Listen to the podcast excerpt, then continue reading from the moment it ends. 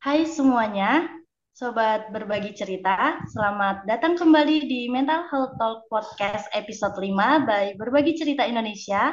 Apa kabar nih? Semoga dalam kondisi baik ya. Kali ini kita bakal ngebahas topik yang gak kalah menarik dari sebelumnya dan sesuatu yang pasti kita semua rasain, yaitu fenomena overwhelm. Nah, kalian pernah nggak sih sobat ngerasain capek banget atau stres banget akhir-akhir ini karena kewalahan sama segala macam tugas? Baik itu tugas sekolah, tugas kuliah, atau lagi dikejar-kejar deadline. Belum lagi hal ini jadi ngebuat kita makin overthinking sampai nggak bisa tidur dan sulit untuk beraktivitas seperti biasa. Nah, apakah kondisi ini bisa disebut sebagai overwhelm?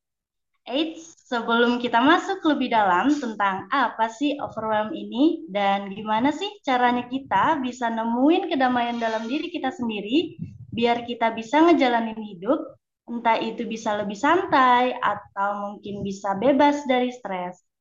Hari ini bersama saya Kak Ajeng dengan narasumber kita yang gak kalah menarik tentunya, Beliau ini adalah seorang lulusan psikologi klinis di Universitas 17 Agustus 1945 Surabaya dan yang pastinya sudah banyak sekali pengalamannya. Kita sambut saja ada Kak Nurul Komali, Komaria, SPSI, MPSI Psikolog. Halo Kak Nurul.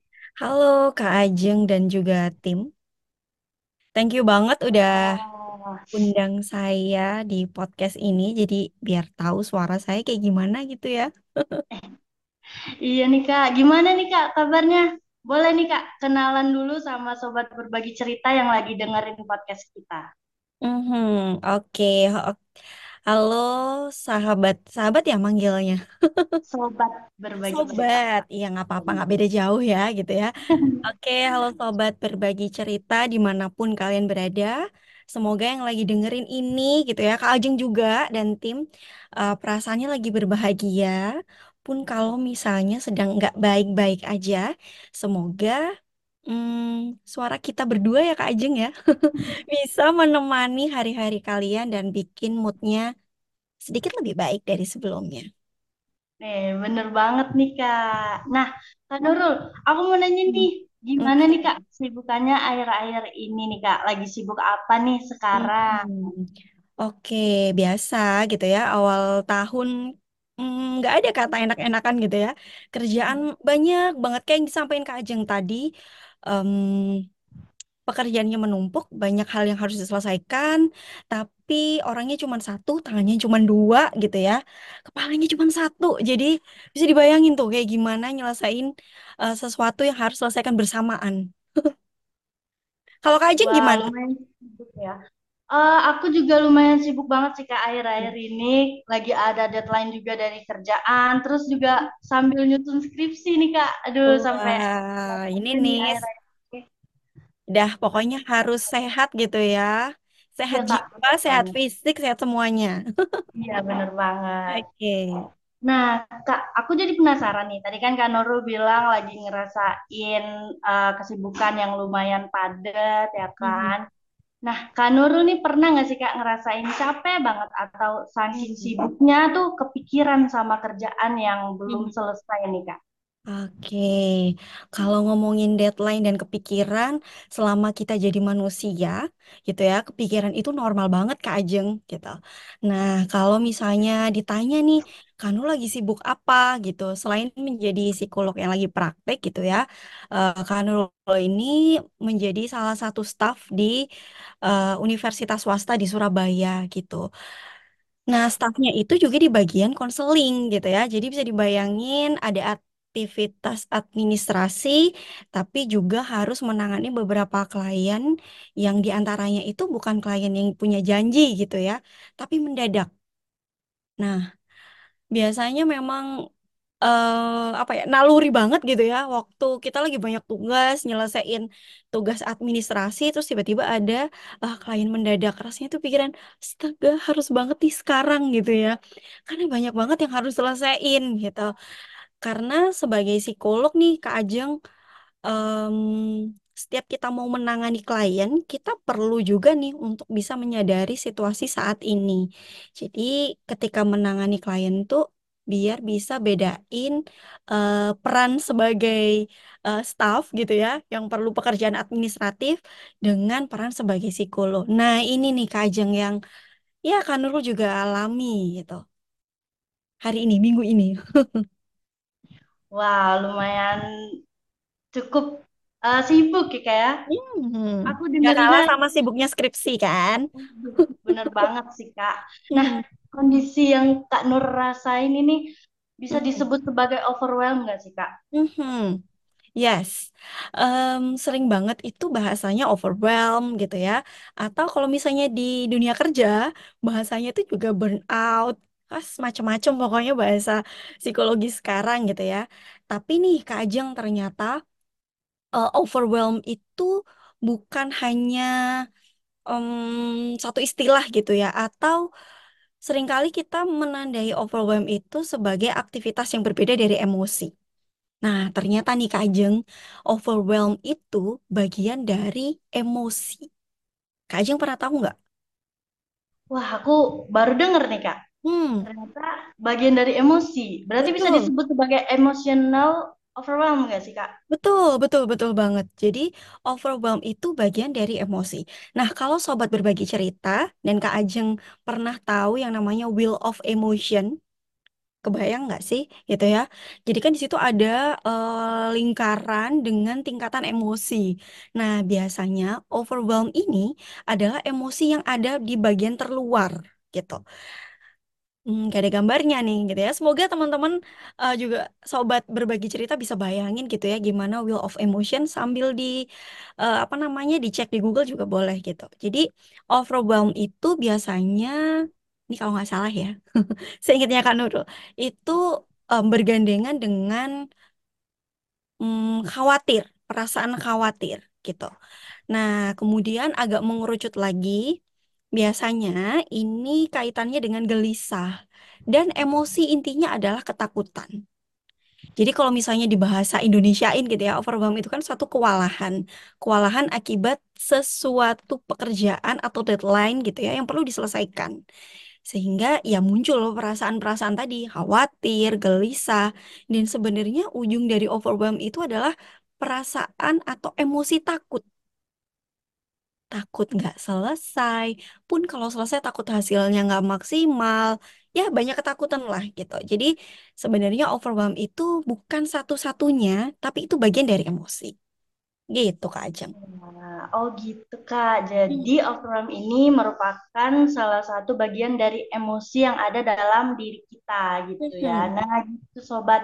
Jadi bisa dikatakan juga mungkin overwhelm ini adalah suatu kondisi di mana kita ngerasain emosi negatif yang intens banget dan Mhm. sulit diregulasi sampai bikin kita jadi sulit berpikir Mhm. eh, atau bertingkah laku secara rasional.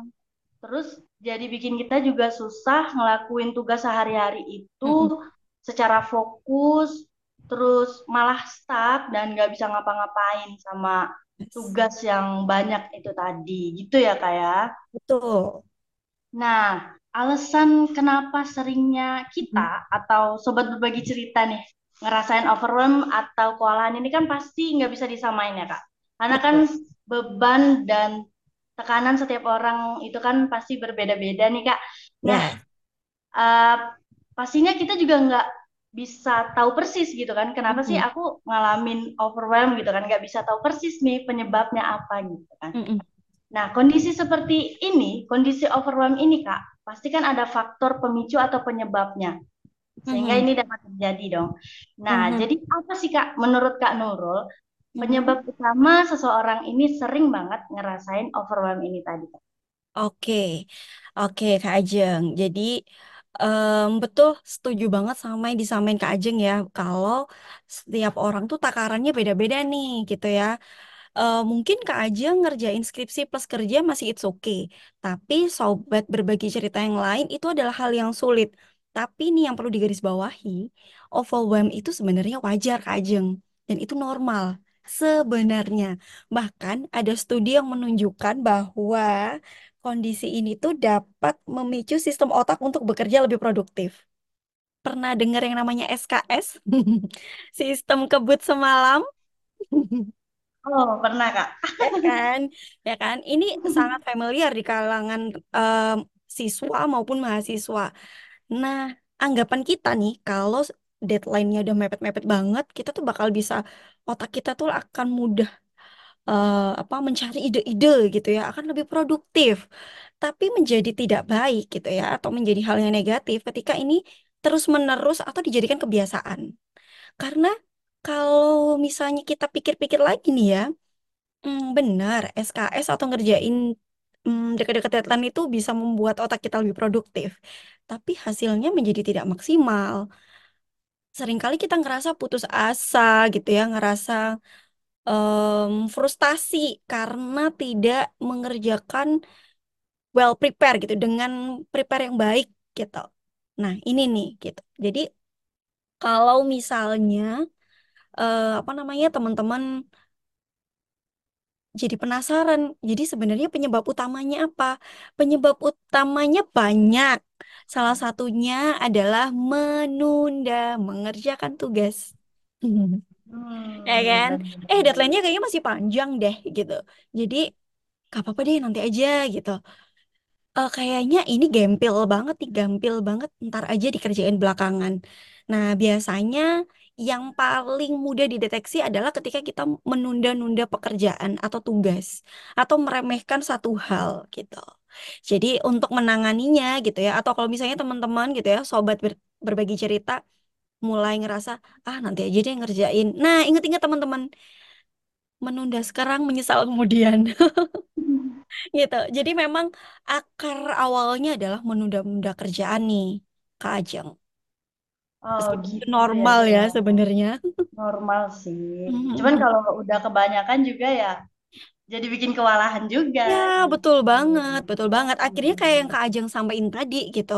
Jadi ya overwhelm itu nggak cuman kepikiran atau terlalu banyak beban, tapi gini nih, kalau misalnya sobat berbagi cerita bisa bayangin gitu ya, overwhelm kemudian bisa menjadikan kita stres. Sebenarnya stres itu baik. Kok bisa Kak Nurul gitu ya? Karena stres itu ada dua hal, eustress dan distress. Menjadi eustress atau stres yang baik ketika kita eh, menyadari kemampuan kita sampai mana gitu ya. Karena akhirnya nggak jadi putus asa. Jadi dia, oh oke, tugasku banyak, aku perlu ngelis dulu nih mana yang harus aku kerjain dulu. Deadline-nya yang paling pendek dulu atau yang paling mudah dulu terserah.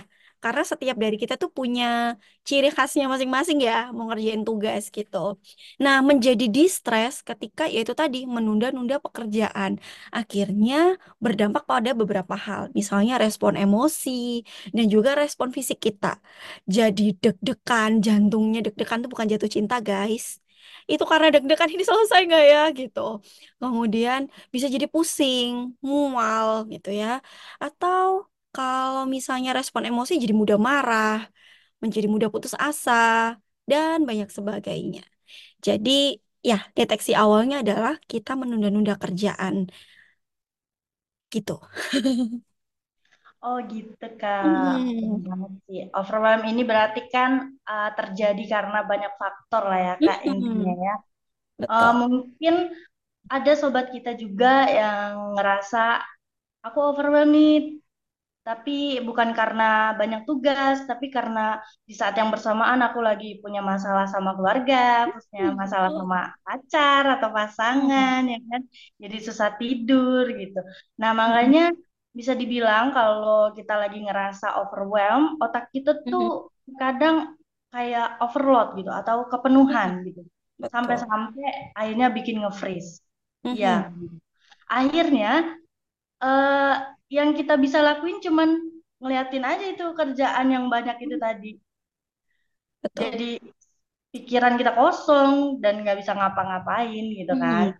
Nah, ibaratnya kalau kita lagi overwhelmed mungkin kayak laptop yang lagi ngehang. Mhm. error dan nggak bisa berfungsi karena udah buka banyak aplikasi yang terlalu berat di saat yang Hmm. bersamaan. Nah, kira-kira kenapa sih Kak saat banyak tugas kayak gini kita tuh sampai ngerasa overwhelmed?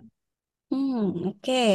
Pertama sama ya kayak tadi, sebelum kita tuh tahu atau sebelum kita mengidentifikasi lebih jauh, overwhelm itu adalah bagian dari emosi. Ini nih, sehingga sebenarnya wajib banget kita sebagai manusia gitu ya, menyadari bahwa emosi ini tidak bisa disangkal nggak bisa disingkirkan. Jadi misalnya gini, overwhelm itu sering kali menjadi semakin membuncah gitu ya, semakin kerasa banget karena kita menyangkal apa yang sedang kita rasain. Misal, ketika kita ngerasa overwhelm, sebenarnya overwhelm ini juga diliputi kayak perasaan yang, duh harusnya aku ngerjain dari kemarin gak sih ini? Astaga, harusnya deadline ini aku selesaiin dulu, bukan yang ini gitu. Nah, di tengah-tengah itu gitu ya di tengah-tengah pikiran itu ada ada emosi yang merasa bersalah putus asa gitu ya. Kita sangkal dengan ah enggak enggak nggak apa-apa nggak apa-apa. Aku bisa nih aku bisa gitu ya. Nah yang kayak gini nih yang akhirnya ngebuat kita semakin gak fokus dan kalau disentil dikit aja udah marah-marah. Jadi perlu banget gitu ya perlu banget kita buat mengenal emosi. Makanya eh, kalau misalnya Kak nanya, terus gimana nih Kak? Kita harus gimana supaya nggak overwhelm? Ya kalau nggak overwhelm ya kerjain lah gitu ya. Simpelnya gitu. Tapi satu, kita perlu mengidentifikasi, kita perlu kenal dulu nih sama emosinya. Kenapa sih akhirnya kita menunda-nunda pekerjaan itu? Apakah pekerjaan itu kita rasa lebih mudah sehingga nanti aja deadline-nya masih belakangan. Atau sebenarnya nggak suka tuh sama mata kuliah itu atau satu tugas itu sehingga ya udah deh aku ngopi-ngopi dulu deh tergampang. Nah kayak gitu. Itu tuh emosi itu nggak bisa kita sangkal. Ada emosi apa sih di balik eh, tugas-tugas kita gitu ya? Kita harus harmonis nih sama emosi gitu Kak Ajeng Oh, jadi Jawab gitu gak sih ya. itu tadi? Kejawab Kak, kejawab. Hmm, oke. Berarti eh, tanda-tandanya juga udah bisa dikenalin nih ya kayak Hmm, dari awal karena emosi yang emosi negatif ini yang sangat besar gitu kan ya. Nah, hmm, aku juga udah research sedikit nih Kak. Jadi oke. ada menurut Dr. Sabrina Romanov, seorang psikologi klinis, peneliti dan profesor dari Yeshiva University, hmm, eh, dia bilang ada terdap ada beberapa tanda yang dapat dikenali ketika seseorang sedang mengalami overwhelm. Di antaranya sulit berkonsentrasi, hmm, rasa blank, bahkan tidak bisa nyelesain tugas-tugas yang sederhana sekalipun gitu kan. hmm, Keluarin reaksi yang berlebihan kayak kata hmm, Kanur tadi, jadi gampang emosi, gampang baper, sulit untuk berpikir secara rasional, hmm, terus produktivitas menurun, hmm, jadi nggak berenergi dalam beraktivitas. hmm.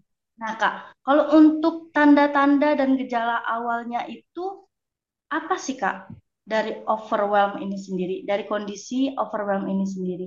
Hmm, Oke, Yang jelas sebenarnya gitu ya, overwhelm itu em, kemudian menjadi stres gitu ya. Orang yang overwhelm tadi karena dia kurang mampu mengelola stresnya, sehingga muncul yang namanya distress gitu ya.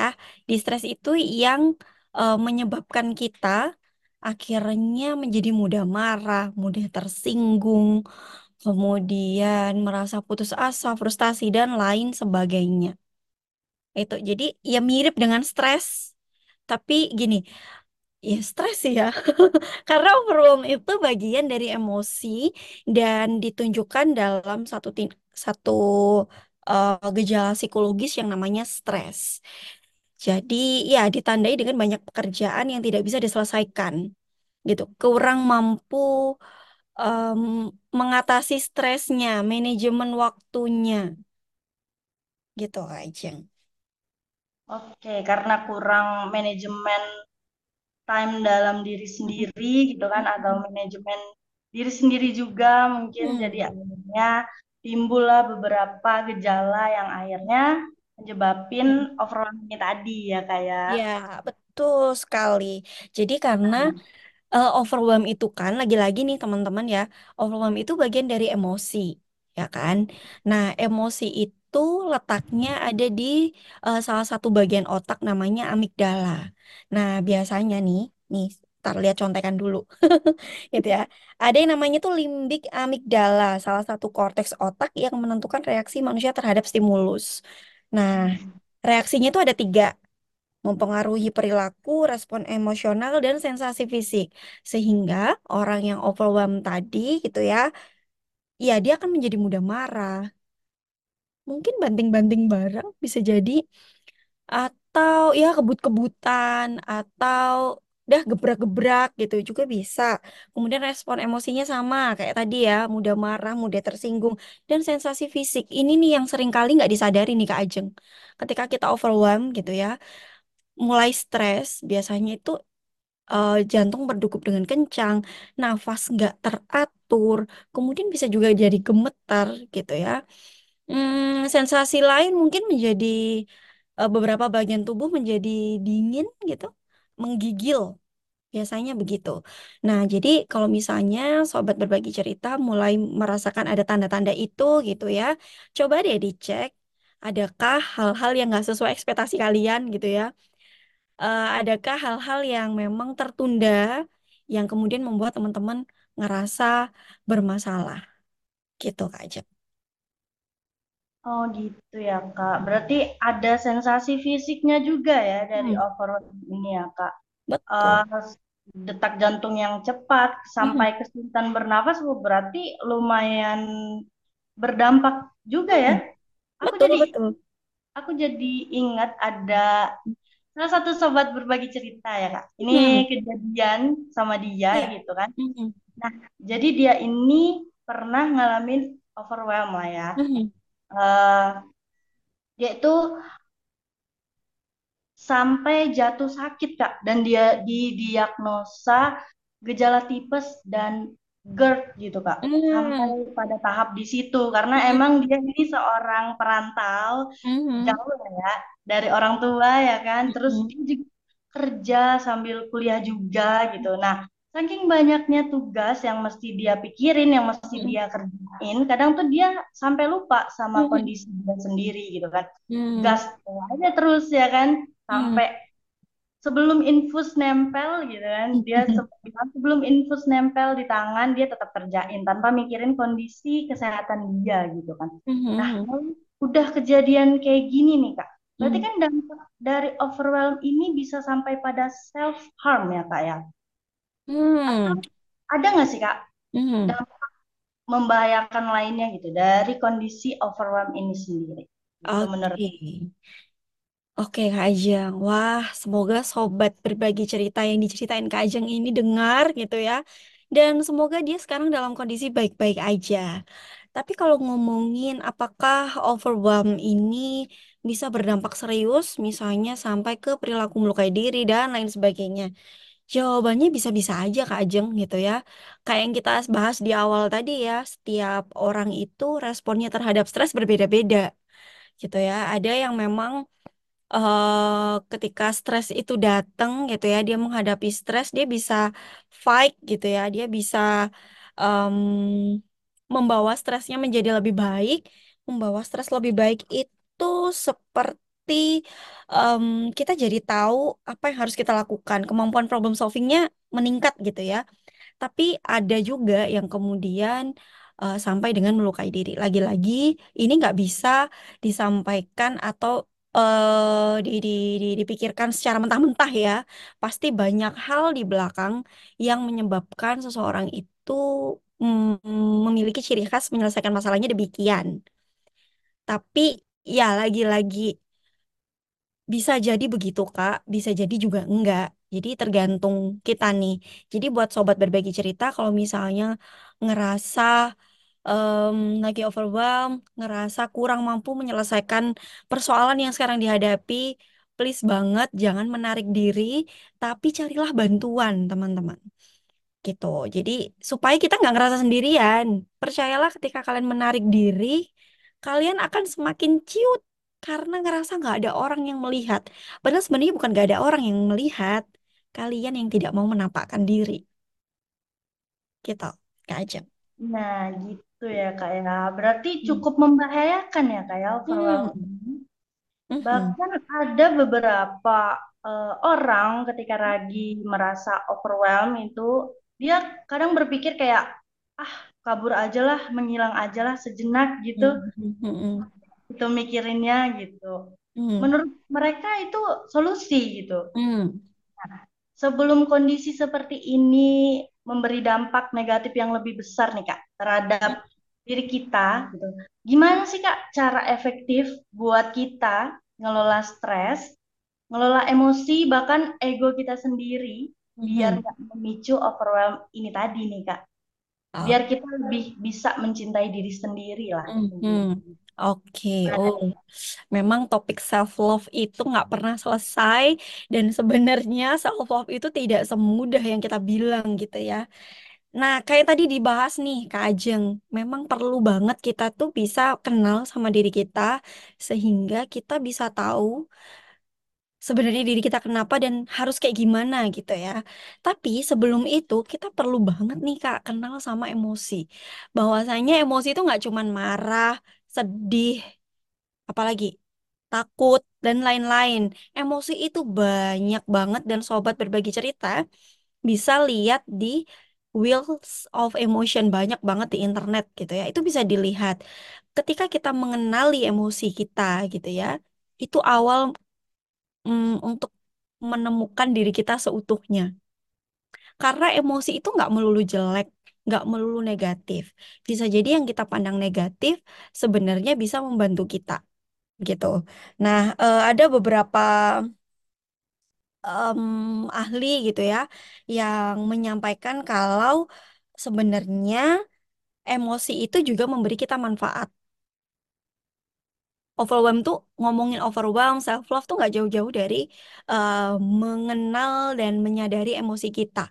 Dan ternyata emosi kita itu memberikan kita manfaat. Salah satunya atau beberapa di antaranya eh, itu adalah respon fight, flight, atau freeze. Pernah denger dong gitu ya, Kak dan sobat berbagi cerita. Jadi memang ada satu waktu yang memang eh, kita memunculkan respon flight gitu ya, ketika men- mendapatkan eh, stimulus atau peristiwa yang paling gak kita suka gitu. Misalnya kehilangan orang yang kita nggak kita cintai, atau ternyata mimpi yang kita rencanakan itu tidak berhasil dengan cara itu gitu ya. Nah, kita ketika kita menyadari, oh, aku kecewa. Oh, aku kurang mampu nih sama tugas yang ini gitu. Ketika kita mengenali itu, itu juga nggak buruk gitu. Karena akhirnya kita jadi tahu, oh, kalau aku nggak bisa ini, tapi aku harus menyelesaikan ini, berarti aku harus minta tolong. Minta tolongnya ke mana? Ke siapa? Pikirannya akan ke sana. Tapi ketika kita tidak menyadari bahwa itu bagian dari emosi, yang ada di pikiran cuma satu, aku nggak mampu menyelesaikan ini. Beda ya, aku kurang mampu dengan mata kuliah ini, sehingga aku perlu bantuan dengan aku nggak mampu sama mata kuliah ini. Beda, hasilnya akan berbeda gitu. Jadi perlu banget mengenal eh, emosi, dan ternyata emosi itu memberi kita manfaat. Kemudian, pentingnya mengenali dan menyadari emosi adalah Emosi itu ternyata memberitahu orang lain bahwa kita memiliki kebutuhan yang belum terpenuhi. Misal, kita lagi banyak tugas, gitu ya. Kita lagi banyak tugas kelompok, kemudian kita dituntut untuk ngobrol sama teman-teman eh, kelompok, plus di rumah lagi ada problem, gitu ya. Misalnya orang tua sakit atau orang tua lagi habis marah-marah, problem keluarga lah pokoknya. Seringkali emosi ini kita tahan kan? Kita berusaha tetap ceria aja di depan orang-orang, tapi kemudian ada kesalahan kecil aja yang dilakukan oleh teman kita atau kesalahan kita, kita langsung marah gitu ya. Sebenarnya marahnya kan bukan karena hal itu, tapi ada hal lain di belakangnya. Tapi orang lain kan ngelihatnya, ih Nurul pemarah banget sih orangnya. Eh, dia mudah tersinggung banget gitu ya. Padahal sebenarnya saat itu si Nurul ini lagi ada masalah sama keluarga. Seringkali kita diem aja, ya kan? Nah, ada tipsnya nih teman-teman gitu ya, sobat berbagi cerita. Kalau misalnya kalian ada di situasi yang lagi dirasain sama si Nurul ini gitu ya. Kalian juga bisa bilang ke orang lain atau ke temanmu gitu ya. Kalau em, maaf ya, kalau apa yang aku lakukan tadi mengganggumu. Saat ini aku sedang em, merasa kurang nyaman karena eh, ada situasi di dalam keluarga yang membebani pikiranku.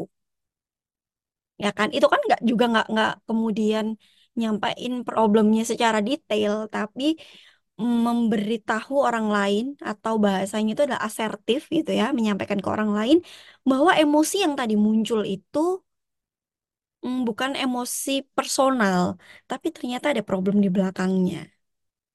Nah, itu juga bagian dari overwhelm loh, gitu ya.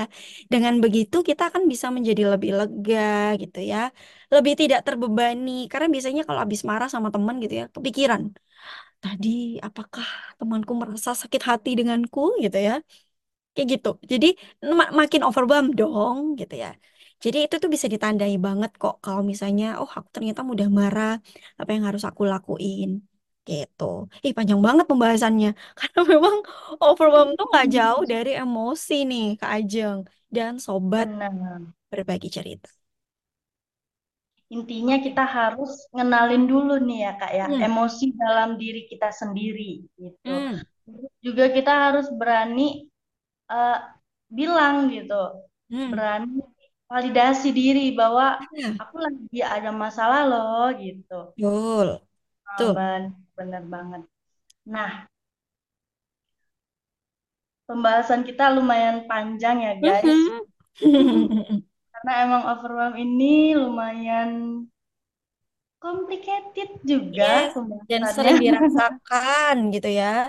Nah, Ya, sambil sama yang mikirin nih apa nih yang mau diomongin lagi gitu ya. Jadi teman-teman, eh, maafkan karena Kak Nurul tuh suka cerita, apalagi soal emosi gitu ya. Lagi-lagi nih, ngomongin, ngingetin lagi bahwa overwhelm itu bukan satu kondisi tertentu, tapi overwhelm itu bagian dari emosi. Nah, overwhelm itu biasanya mengarahnya ke takut. Dan ketika kita takut, sebenarnya emosi kita tuh lagi ngasih sinyal tuh sama kita. Kalau ada sesuatu yang dipikirkan dan dipedulikan dan itu beresiko. Jadi emosi itu bisa ngomong guys, gitu ya. Kemudian terus apa tuh yang harus dilakukan? Ya lindungi apa yang kamu sayangi, lindungi apa yang sedang kamu perjuangkan. Jadi memang eh, seru ya ngomongin emosi karena mm, setiap emosi yang muncul sebenarnya sedang mengkomunikasikan apa yang kita butuhkan.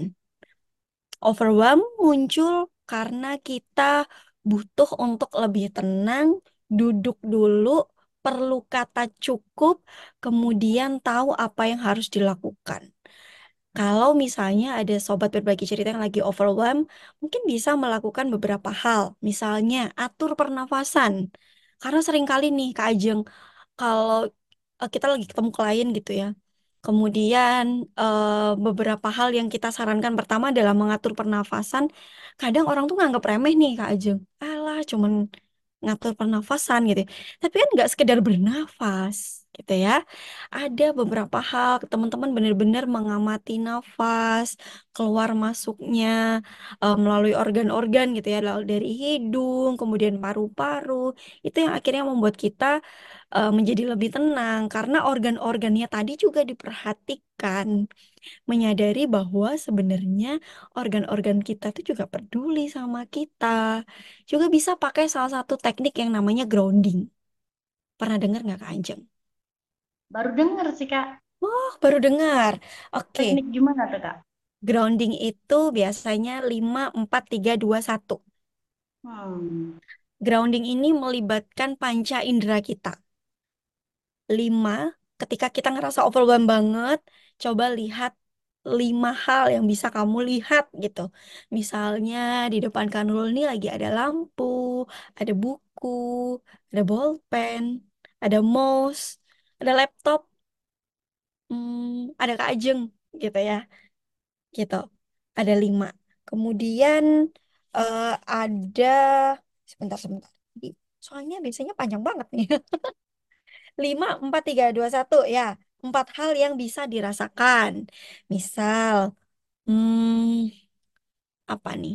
Misalnya pegang kulit kita, meraba kulit kita. Oh, kok kering banget ya kulitnya? Pakai hand body dulu deh, gitu ya. Kemudian bisa juga pegang hal-hal eh, apa benda-benda yang bertekstur. Pegang empat hal gitu ya. Bisa pegang kacamata. Pokoknya dipegang aja gitu. Kemudian mendengar. Tiga hal yang bisa didengar. Hmm, suara kipas angin, hmm, suara eh, ini mungkin token lampu tetangga yang mau habis, gitu ya. Hmm, sama apa ya? Mungkin suara suara motor, gitu ya, suara handphone berdering, bergetar, itu bisa. Kemudian dua aroma yang bisa dicium. Silakan, biasanya setiap sobat berbagi cerita punya parfum andalan gitu ya. Tuh, boleh disemprotkan gitu Eh, coba di, di, dihirup aromanya, kemudian boleh juga hirup aroma Indomie. Enak banget tuh, ya kan? Hmm, menenangkan sekali kalau itu, Kak. Oh iya, apalagi pas hujan. Terus satu hal yang bisa dicicip gitu ya. Jadi kalau udah ada Indomie, berarti dimakan Indominya. Atau kalau misalnya nggak sempat banget bikin Indomie aduka, ada buru-buru, overwhelm suruh bikin Indomie gitu ya. Udah overwhelm lagi gitu ya, nggak ada gas. Nah, bisa banget teman-teman minum. Atau kalau ada permen, coba permennya di, di, dicicip gitu ya, atau di, dihisap gitu. Itu lima empat tiga dua satu Fungsinya adalah mengembalikan kesadaran kita di situasi di sini kini gitu ya, di saat ini. Memisahkan eh, emosi yang sedang dirasakan dengan situasi yang sekarang. Overwhelmnya mungkin nggak teratasi langsung ya. Maksudnya em, tugas-tugasnya langsung selesai gitu, enggak. Tapi kita bisa lebih tenang, lebih calm, tahu apa yang harus diselesaikan dulu. Gitu Kak Cem. Boleh tuh Wah, nanti. bagus banget nih, Hmm. guys. Oh, Kalian atau yang yang paling udah, Hah, atau yang paling gampang nih Kak Jeng, hmm, jalan aja keluar ruangan, hmm, ngelihat langit, itu dah. Senja. Oh iya, nggak boleh. Jadi keluar ruangan, lihat sekitar, itu menunjukkan bahwa kita tuh nggak sendirian. Ternyata alam tuh luas banget ya, kayak gitu. Itu adalah hal-hal yang murah yang bisa kita lakukan tanpa mengeluarkan biaya, gitu Kak. Wah, bagus banget nih, guys. Mhm, untuk diterapin teknik grounding ini tadi, ya kan? Di era digital sekarang, mhm, eh, kondisi overwhelm ini pasti lebih banyak kita alamin gitu kan, karena kita terhubung 24/7 gitu kan, nonstop tuh mhm, buat ngomongin tugas-tugas sekolah, ya kan? Ataupun tugas di kerjaan juga. Yang akhirnya rutinitas pekerjaan ini jadi numpuk gitu kan belum Mhm. lagi ada tuntutan pekerjaan juga jadi bikin kita tambah overwhelmed nah bisa banget dipakai teknik dari grounding ini tadi Mhm. nah kak aku mau tanya Mhm. eh, ada nggak sih kak tips praktis buat sobat berbagi cerita nih biar lebih produktif gitu biar Mhm. Lebih semangat lagi gitu buat ngerjainnya, ngerjain tugas yang banyak ini gitu. Mhm. Sampai nggak ngerasa overwhelmed gitu, Kak. Oke, oke. Yang pertama gitu ya, overwhelm tadi disebabkan karena kita menunda-nunda pekerjaan. Sehingga teman-teman banyak pekerjaan itu wajar gitu ya. Ngerasa terbebani oleh satu tugas itu juga wajar. Tapi yang perlu dilakukan supaya meskipun merasa terbebani tapi selesai adalah kita list dulu nih. Sering banget ya. em, apa namanya teknik journaling. Tapi kalau ngomong journaling kayaknya berat banget gitu ya. Teman-teman boleh memulai hari dengan list tugas apa yang perlu diselesaikan hari ini. Dengan list tersebut, eh, sobat berbagi cerita bisa fokus mau menyelesaikan yang mana dulu. Kalau ngomongin em, semuanya harus selesai, iya gitu ya. Tapi kita perlu kenal yang namanya prioritas dan kata cukup. Sehingga membuat list apa yang harus selesaikan hari ini, saya rasa itu juga bisa cukup membantu teman-teman untuk terhindar gitu ya dari yang namanya overwhelm. Dan selain itu, pastikan juga gitu ya, setiap pagi teman-teman tuh ada aktivitas fisik. Bukan yang tiap pagi langsung nonton handphone. Eh, ada update apa nih ya di Twitter gitu ya. Ada up- update apa nih di TikTok? Enggak. Tapi taruh dulu, kasih 20 menit pertama eh, ketika kalian bangun tidur itu untuk melakukan aktivitas fisik. Entah stretching, minum air putih, atau mungkin langsung mandi, wudhu lalu sholat gitu ya. Itu juga bisa gitu. Yang jelas jauhkan dulu dari aktivitas digital. Baru setelah itu silakan teman-teman nulis apa nih yang perlu diselesaikan hari ini tipsnya gitu. Semoga itu juga bisa membantu uh, sobat berbagi cerita bisa memulai hari dengan baik. Karena percayalah gitu ya, mood yang baik di pagi hari akan membantu kalian lebih semangat menjalani hari-harinya. Meskipun ada orang nyebelin gitu ya, tadi kampus atau di kantor gitu ya. Tapi kalau kita udah menata emosi dengan baik di pagi hari, ya itu akan terlewati gitu. Wah, Mhm. hari ini seru abis nih ngobrolin overwhelm Mhm. sama Kak Nurul nih ya. Nah, gitu sobat. Jadi overwhelm ini tadi eh, menurut pandangan Kak Nurul itu adalah bagian dari emosi kita sendiri. Jadi cara penanganan pertama yang harus kita lakuin yaitu kenalin emosi kita di Mhm. sendiri gitu kan. Terus untuk tips praktif buat produktif itu yang barusan Kak Nurul sebutin Mhm. bikin to-do list, mulai buat journaling gitu ya kayak sama jangan lupa banget nih ada teknik grounding. Wah, aku Mhm. jadi tahu nih Kak buat teknik grounding nih tadi. Iya. Wah, nggak kerasa nih Kak, udah sekitar 40 menitan nih kita ngobrolin overwhelm ini tadi. Hmm. Nah, sebelum kita sudahi percakapan kita tentang overwhelm ini, mungkin boleh nih Kak Nurul kasih closing statement dulu buat sobat berbagi cerita yang udah dengerin dari awal sampai akhir nih Kak. Mhm, Oke, Ngomongin overwhelm yang bikin overwhelm gitu ya. Ya, yang jelas teman-teman dan eh, sobat berbagi cerita, em, stres gitu ya, overwhelm atau krisis emosional lainnya itu adalah manusiawi, normal gitu ya. Apa yang kamu lakukan dalam meresponnya adalah hal yang penting. gitu. Bahkan strategi tadi yang dikasih gitu ya, strategi coping yang sehat bisa jadi nggak sehat kalau misalnya teman-teman gunakan untuk eh, menghindari masalah. Jadi kenali emosi, sadari emosi, dan hadapi hari-harimu. Hmm, percayalah, ketika kalian merasakan satu momen yang nggak nyaman, itu hanya momennya aja kok. Hanya hanya di momen itu aja. Bukan berarti harimu menjadi buruk. So, kalian bisa mengambil tindakan untuk membuat hari-hari menjadi lebih bahagia gitu ya. Dengan beberapa cara yang tadi itu. Misalnya bikin to-do list atau lakukan aktivitas fisik 20 menit saat kalian bangun tidur. No gadget-gadget gitu ya Kak Ajeng dan sobat berbagi cerita. Semoga apa yang disampaikan eh, hari ini gitu bisa jadi teman buat sobat berbagi cerita melalui hari-hari beratnya mengatasi overwhelmnya Kak Nurul juga gitu ya. Karena ketika cerita sama aja Kak juga merilis apa yang sebenarnya sedang Kak rasakan. Senang banget bisa cerita sama kalian semua.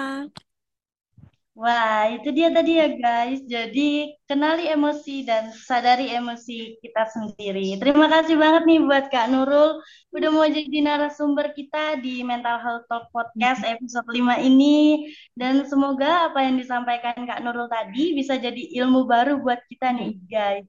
Dan jangan lupa juga tips-tips dan saran-saran yang udah dikasih tadi Semoga bisa bermanfaat juga buat kita semua. Jangan lupa buat coba dengerin podcast Mental Health Talk podcast kita sebelumnya yang gak kalah menarik juga buat kalian dengerin. Dan kalau semisal sobat berbagi cerita nih yang mungkin ngerasa relate sama gejala-gejala overwhelm tadi atau mulai ngerasa capek, mulai ngerasa stres, mulai ngerasa khawatir sama beban tugas yang udah mulai numpuk banget nih ya. Hmm. Jangan bingung harus mulai ngerjainnya gimana. Jangan bingung harus mulai dari mana, ya kan?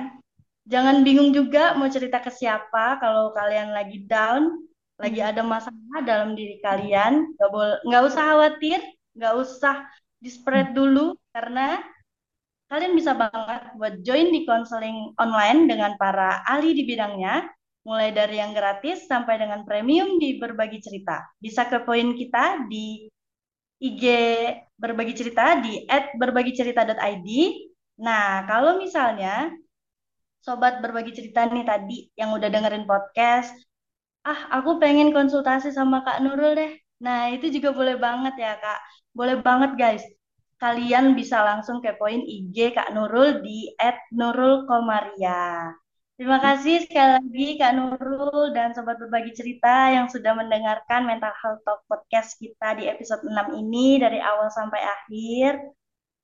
Uh, akhir kata dan saya ucapkan, menghadapi overwhelm itu bukanlah tantangan yang mudah, tetapi bukanlah sesuatu yang tak teratasi. Karena percayalah, memang terkadang hidup ini terasa seperti menyelam ke dalam samudera emosi yang sangat dalam di mana ombak-ombaknya mengguncang kita tanpa ampun.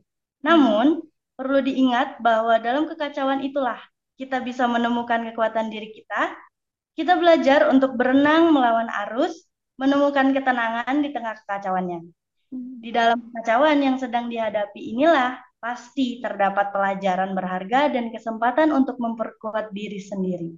Jadi, saat kalian mulai merasa overwhelmed, mulai merasa kewalahan, ingatlah bahwa diri kalian adalah pahlawan dalam perjalanan hidup kalian sendiri.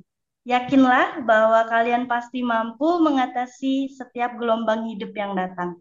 Dan salah satu kuncinya adalah dengan mengenali batasan diri kita masing-masing dan belajar untuk mengatakan tidak ketika kita mulai merasa lelah.